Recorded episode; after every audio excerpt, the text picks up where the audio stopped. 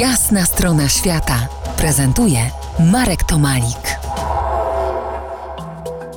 Bohaterem mojej opowieści pozostaje Sir Ernest Shackleton, polarnik i odkrywca z początku XX wieku.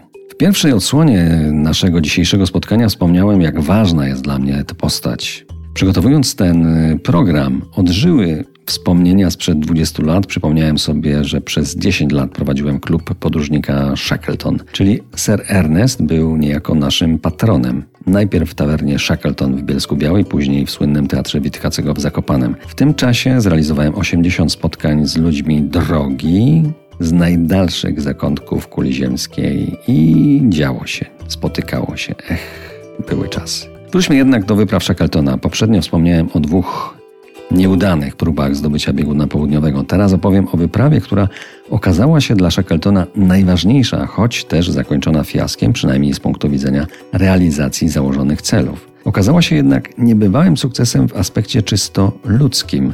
Nasz bohater miał nie tyle się zmierzyć z trudnościami terenu, co z meandrami ludzkiej psychiki, która w ekstremalnych warunkach jest niełatwa do okiełznania. Otóż Shackleton wymyślił ekspedycję, której celem był trawers Antarktydy, czyli piesze przejście lodowatego kontynentu od Morza Wedela do Morza Rossa, kontynentu, który jest większy od Europy.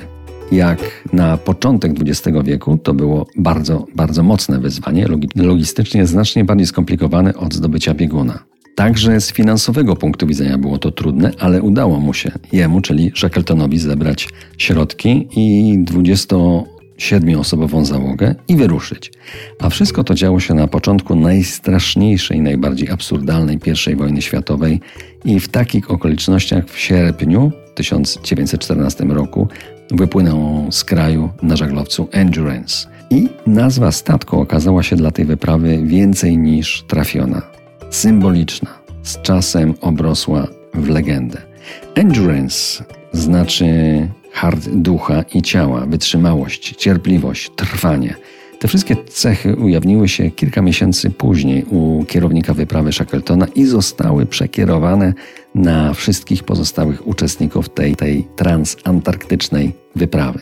O dalszych losach polarników z początków XX wieku opowiem za kilkanaście minut. To jest jasna strona świata w RMS Classic.